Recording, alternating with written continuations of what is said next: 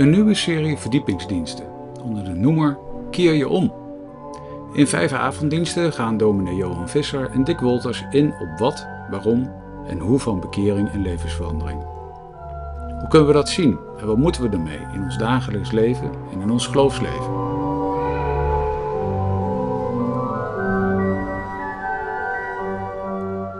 Dit is de eerste van de serie van vijf. Thema is Keer je om, over het wat en waarom van bekering. Voorganger is dominee Johan Visser, opgenomen op 27 augustus 2023 in de Noorderkerk te Amsterdam.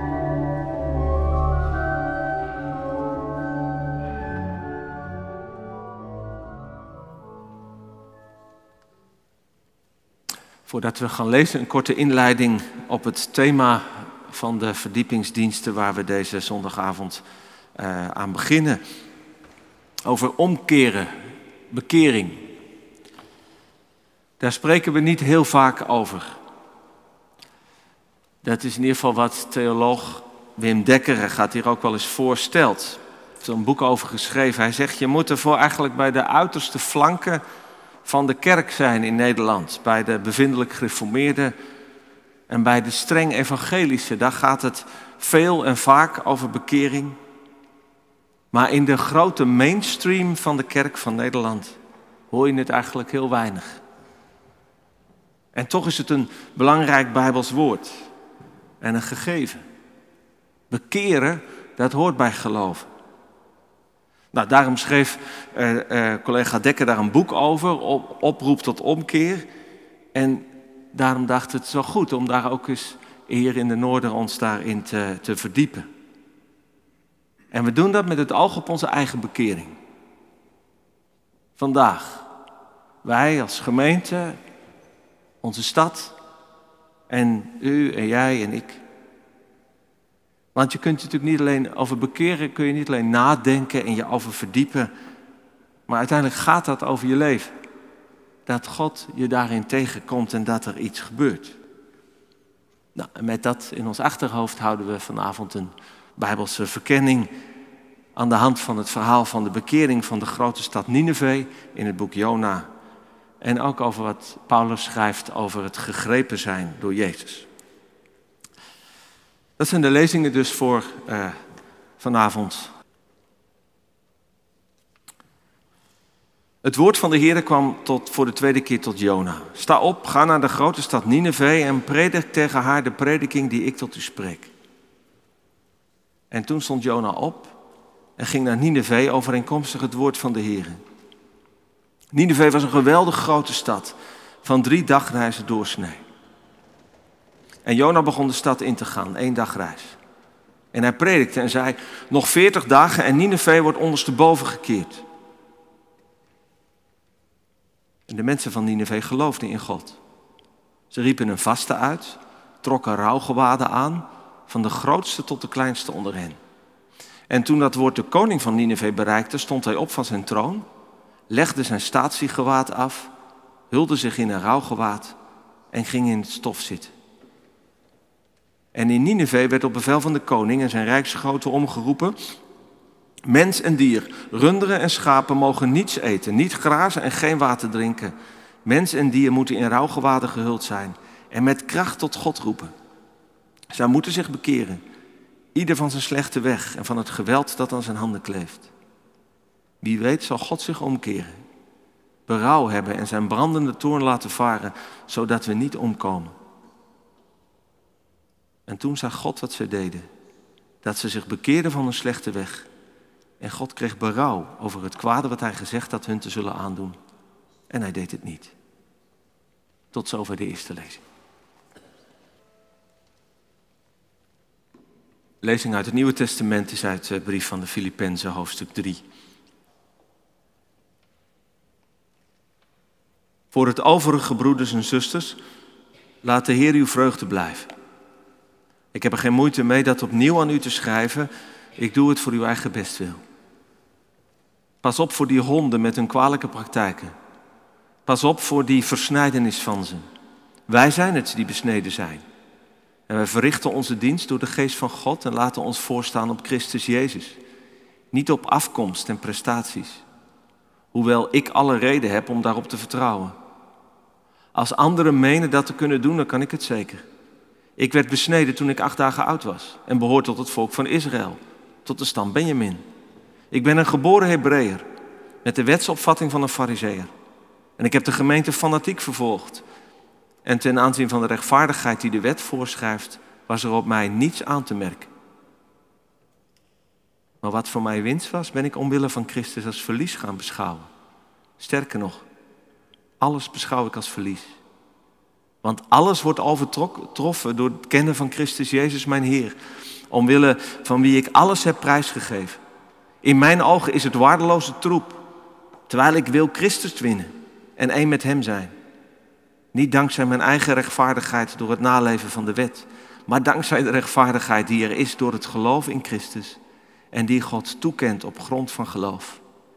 Ik wil Christus kennen. Door de kracht van zijn opstanding te ervaren en door te delen in zijn lijden en aan Hem gelijk te worden in zijn dood. In de hoop ook zelf uit de dood op te staan. Niet dat ik al zover ben en mijn doel al heb bereikt, maar ik doe mijn uiterste best in de hoop te kunnen grijpen waarvoor Christus Jezus mij gegrepen heeft. Zalig ben je als je het woord van God hoort en het bewaart.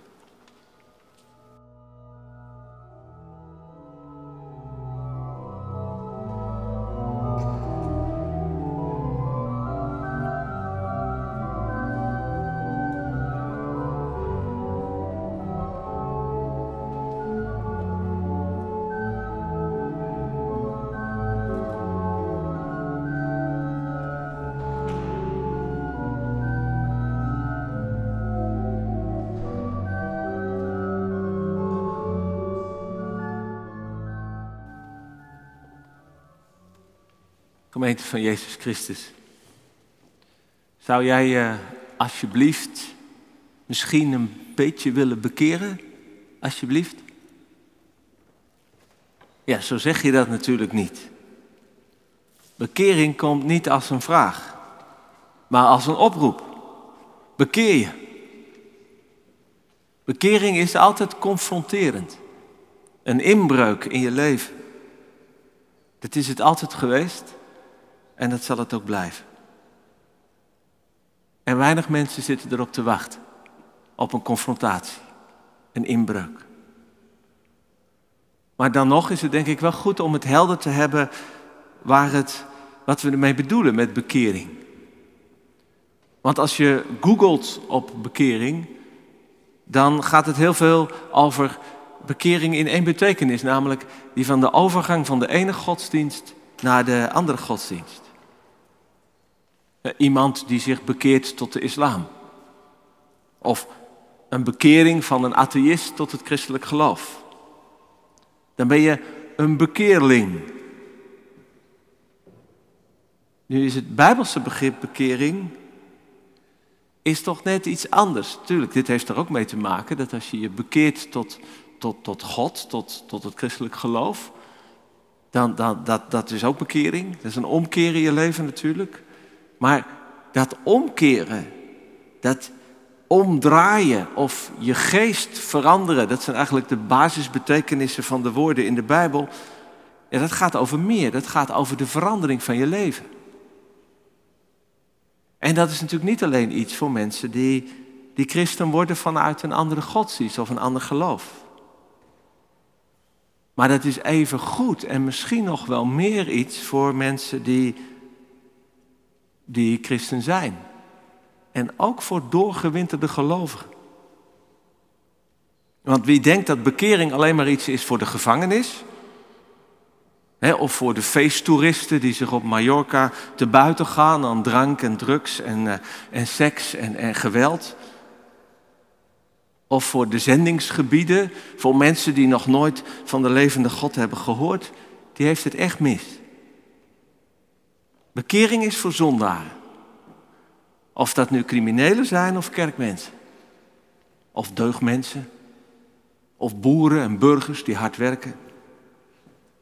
U, jij, ik, moet, moet je bekeren. Nou, hoe gaat dat dan? Wat, wat, wat is dat bekering? Twee Bijbelse voorbeelden vanavond.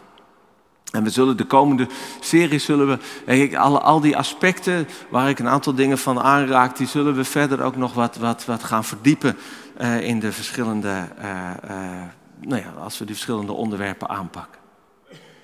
Maar nu dus de inleiding. Eerst het verhaal van Nineveh. De grote stad vol onrecht, geweld en kwaad uit het boek Jona. boek Jona, dat wordt in de synagoge wordt dat gelezen op Grote Verzoendag. Dat is de dag van bekering in het Jodendom. Nou, je begrijpt denk ik als ze dit verhaal hebben gelezen waarom ze juist op Grote Verzoendag het boekje Jona lezen. Jona, de antiprofeet in de Bijbel, die moet tegen zijn zin naar de hoofdstad van het Assyrische wereldrijk Nineveh. En na een pijnlijke omweg komt hij dan bij de stad en dan gaat hij de stad in en dan houdt hij een korte boetepreek. Nog veertig dagen en Nineveh wordt ondersteboven gekeerd. Wordt één grote puinhoop. zoals je bij het Centraal Station af en toe zo'n sandwichman ziet staan. met met zo'n boodschap erop. Hell is real. Repent. De hel is echt. Bekeer je. Of the end is near. Het einde is nabij. Bekeer je.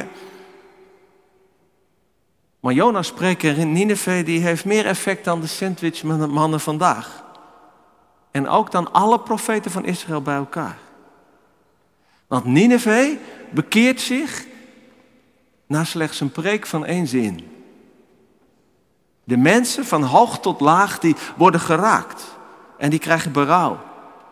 En dat uiten ze in een intense boetedoening. Met vasten en bidden en rouw. En zelfs de dieren moeten meedoen.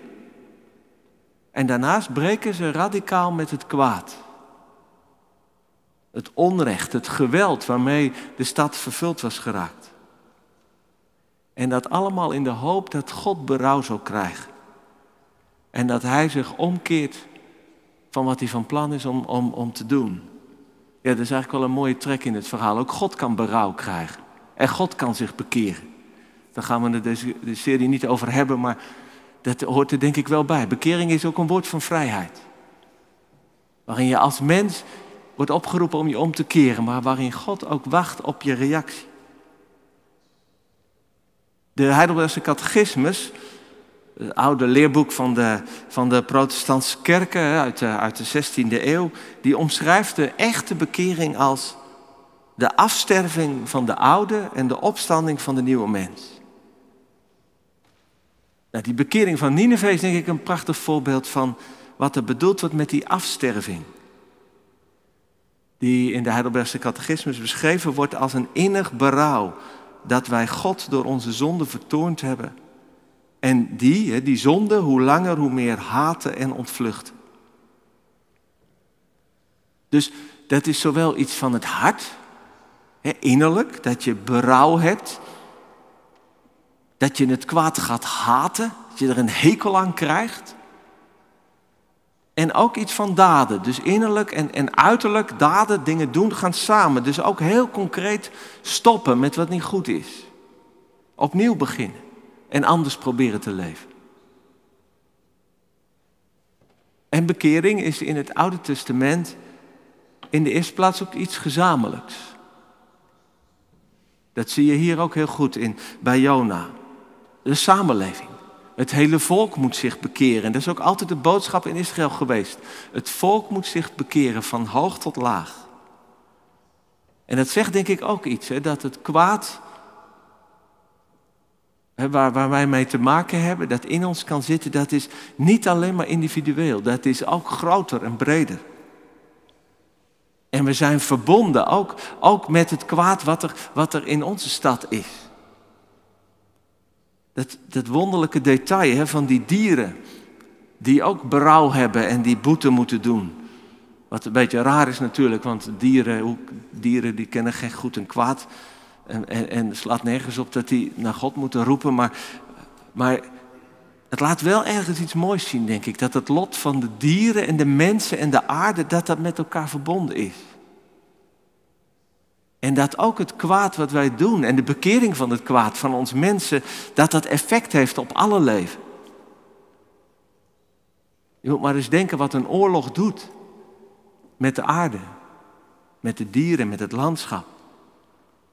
Of wat de vervuiling die er op straat is of, of, of, of in de zee, wat dat voor effecten heeft, ook op de, op de, op, op de dieren. Nou, dan raken we denk ik ook gelijk aan het waarom van bekering. Ja, waarom is het nou nodig? Waarom zou je je bekeren? Nou, er zijn meerdere antwoorden op te geven. Ik geef er vanavond twee. Het, het eerste dat uit, uit Jona is, als je anders ben je, ga je verloren. Als je je niet bekeert, ben je verloren. Dat is de laatste ernst van het geloof. Wij geloven dat het kwaad niet zal blijven bestaan. En ik denk dat we daar ook heel erg op hopen. God zal het oordelen. En wie met het kwaad verbonden is en daarmee verbonden blijft, die zal er dus mee verloren gaan. Dat is geen fijne, geen comfortabele boodschap, maar wel een reële, toch? En bekering betekent ook dat je innerlijk gaat lijden aan het kwaad. Dat je er berouw over krijgt. Dat je er een hekel aan krijgt. Dat je ervoor schaamt. En dat je er daarom van los wil komen. En niet alleen uit angst voor de gevolgen daarvan. Hè, dat is nog wel eens gezegd, je moet je bekeren, want anders ga je naar de hel of mag je niet naar de hemel. Of ook uit een soort eh, schaamte voor anderen, wat natuurlijk ook altijd heel erg ons gedrag bepaalt. Hè, dat je bepaalde dingen niet wilt doen, want wat zullen anderen ervan van, zin, van vinden? Maar dat je het echt doet uit verdriet. Over wat je hebt gedaan, waar je voor leeft, waar je mee verbonden bent. En ik kwam een, citaat tegen van een van de woestijnvaders. En die eerste monniken in, in Egypte, derde, vierde eeuw. En dan gaat het over berouw en het verdriet daarbij hoort. En die woestijnvader, hij heet Poimen, die, die zegt: Verdriet doet twee dingen. Het maakt goed en het houdt het kwade weg. En ik denk wel dat dat zo, zo is. Het, het berouw, het verdriet wat bij bekering hoort, zorgt voor een breuk, een omkeer in je leven.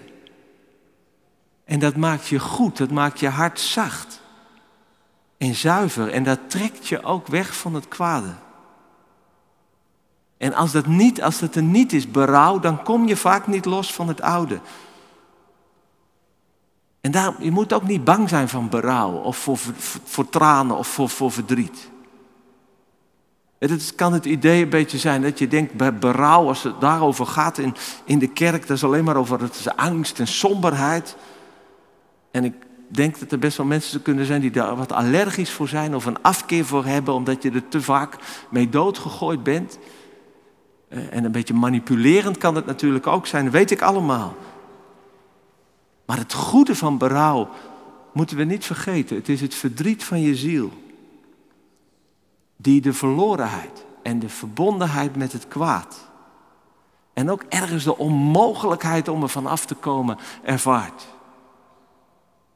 En het is ook verdriet, niet alleen over je eigen zonde, je eigen kwaad, maar ook over dat van anderen en dat in de wereld is. Tweede Bijbelse voorbeeld is wat Paulus schrijft aan de gemeente van Filippi. Nou, Paulus is misschien wel de, de, de mens met de beroemdste bekering uit de wereldgeschiedenis. Die hebben we niet gelezen uit het boek Handelingen. Maar het gedeelte wat we hebben gelezen roept Paulus die, die bekering eigenlijk weer even in herinnering. Als hij het erover heeft dat hij door Christus Jezus is gegrepen. En dat woord gegrepen, dat duidt niet op een soort prettige ontmoeting. Maar dat is iets als overweldigd worden. In je kraag gegrepen worden, gearresteerd worden. Dat is die, die inbreuk in je leven. Dat Jezus in je leven komt en dat hij je stoort. En dan niet alleen als je bezig bent met vuiligheid en rottigheid. Maar ook als je bezig bent met hele hoogstaande godsdienstige ideeën, de, dingen. En dat is eigenlijk het bijzondere van Paulus. Hè? Dus daarom hebben we dit gedeelte ook gelezen. Paulus die geeft eventjes zijn godsdienstige en zijn etnische cv hè? in het gedeelte wat we hebben gelezen. Hier was ik trots op. Dit, dit, dit was ik. Besneden op de achtste dag. Ik behoorde tot het volk van Israël. Uit de stam van Benjamin. Het was klein, maar geëerd onder de twaalf stammen. Ik was een echte Hebreeuwse Jood. Dus niet zo eentje uit de familie die al half Grieks was. Nee, een echte. En ik was wetsgetrouw. Bijbelgetrouw. Orthodox als een fariseer. Fariseërs die de geboden van God ernstig namen. En ik was ook nog een fanaticus. Ik was een ijveraar. En ik was bereid om die ketters van de Jezus-secte te vervolgen. En ik was, als het over de wet ging, was ik onberispelijk. Dus het was niet zo dat Paulus een beetje net als Maarten Luther met zijn bekering, dat, hij, dat hij heel de tijd het nadenken was, oh wat gaat het slecht en het lukt me niet. Nee, ik, het ging goed. En er was niks op mij aan te merken. En hij werd gegrepen. Saul, Saul, waarom vervolg je mij? Waar ben jij nou helemaal mee bezig, man? Je hoeft niet zoiets spectaculairs mee te maken als, als Paulus. Maar ik denk bij geloven hoort wel dat je gegrepen bent. Dat Jezus in je leven inbreekt. En dat er, dat er iets verandert. Dat je sterft aan jezelf. En dus ook aan al die dingen waar je zo trots op bent. En dat kan je kerkgang zijn, en je stille tijd en je prachtige geloofservaringen, je vrijwilligerswerk, je, je grote idealen waar je voor gaat. Je trots, dingen die je hebt opgebouwd in je leven. Of het kunnen je twijfels zijn in je grote, je grote vragen. Of, of het feit dat je zo teleurgesteld bent geraakt in de kerk. Het kunnen ook dingen zijn hè, waar je je geloofsidentiteit op bouwt. Maar bekering betekent dat Jezus je grijpt. Dat hij je in de kracht grijpt. En vaak gebeurt dat met één ding in je leven, waar, je, waar, waar het heel erg op vast kan zitten of waar hij naar binnen komt. Ik moest, uh, ben met, met het Jona-boek weer bezig, omdat ik van de, ergens in de, in, de, in de zomer erdoor geraakt werd. Ik had altijd het idee, Jona, dat ben ik zeker niet. Hè? Jona, dat is, dat, dat is iemand anders. Dat is zo'n kleinzielige gelovige die, die niet in Gods genade gelooft en die alleen maar de boel naar de ellende wil. En op een bepaald moment, ik weet het niet eens meer goed wanneer het was, dacht ik, maar ik ben Jona. En dat kwam me vrij hard naar binnen. ik ben zo iemand die eigenlijk de genade van God helemaal niet wil. En die misschien ook wel gewoon een hekel heeft aan, aan, aan zoveel wat er, wat er is in, in dit Nineveh, in dit Amsterdam waar, waar, waar, uh, waar wij uh, bezig zijn en, en, en wonen. Ik ben Jona. En opeens sta je weer dus helemaal bij nul. Met al je mooie, mooie gedachten en woorden en geloofding. Maar Jezus grijpt je, maar hij laat je dan niet met rust. Dus niet dat hij een soortje tackelt en dan denkt, nou ja, die, die, die ligt dan. Maar dat is bij Paulus natuurlijk ook niet. En dat is nu juist het wonder van genade, om het een beetje ouderwets te zeggen.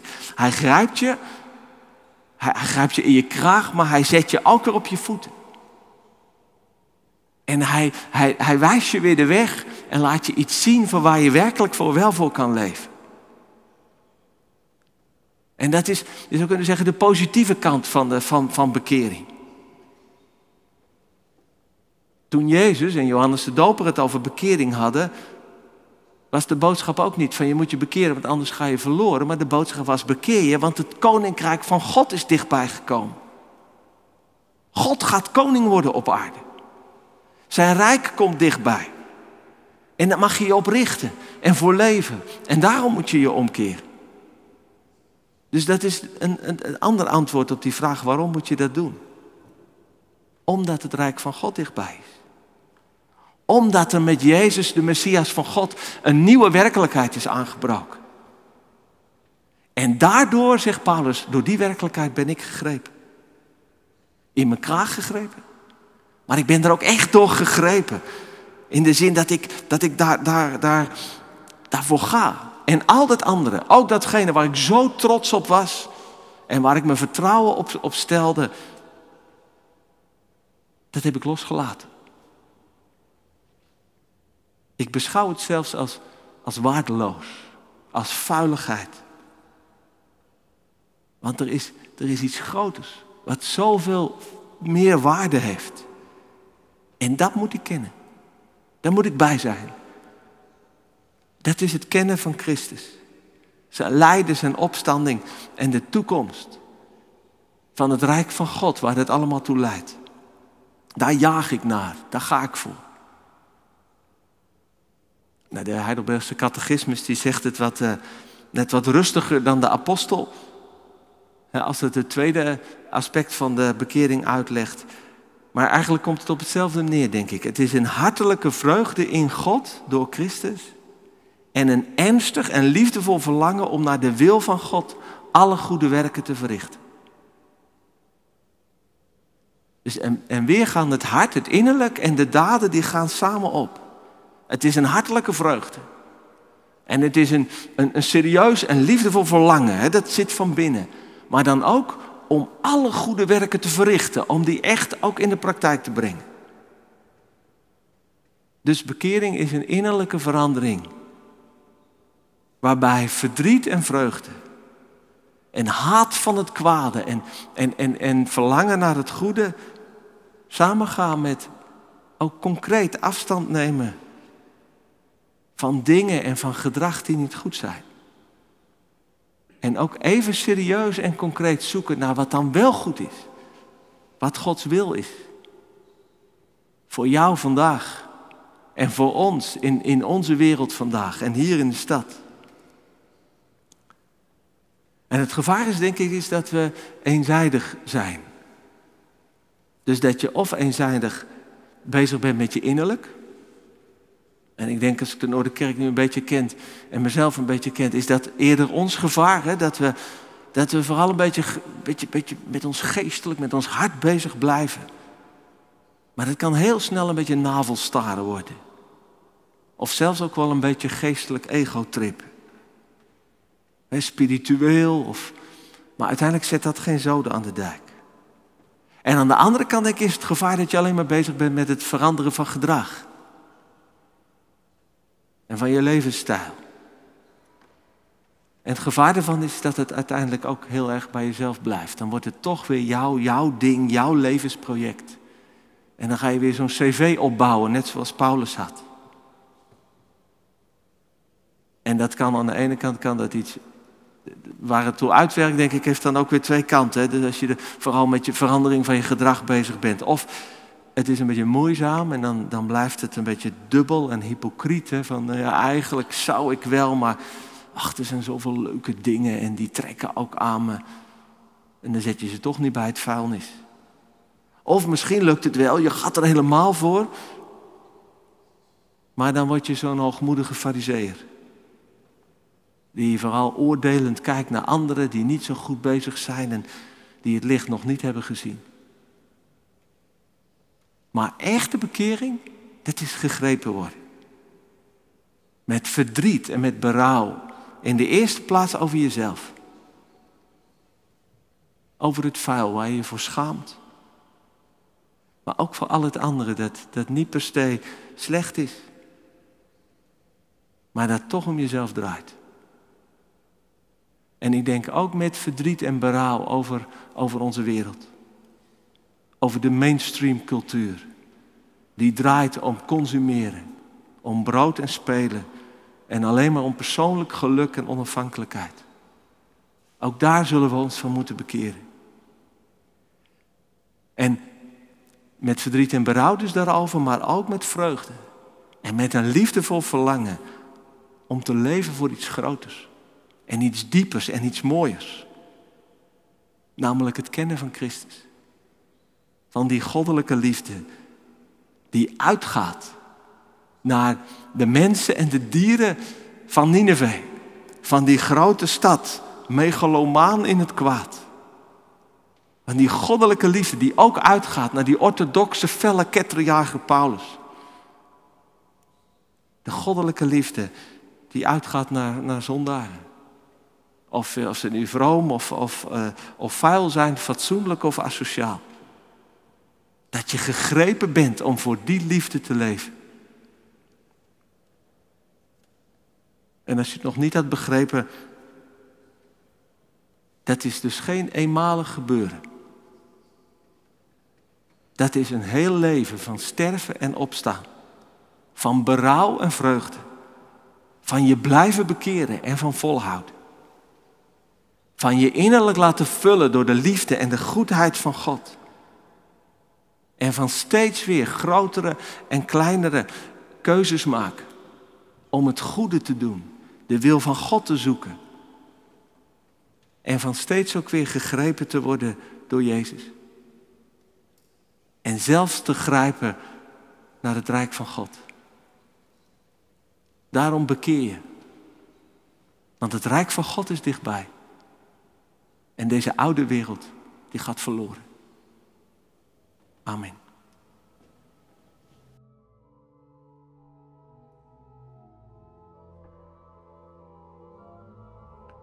U luisterde naar een podcast van de Noorderkerk.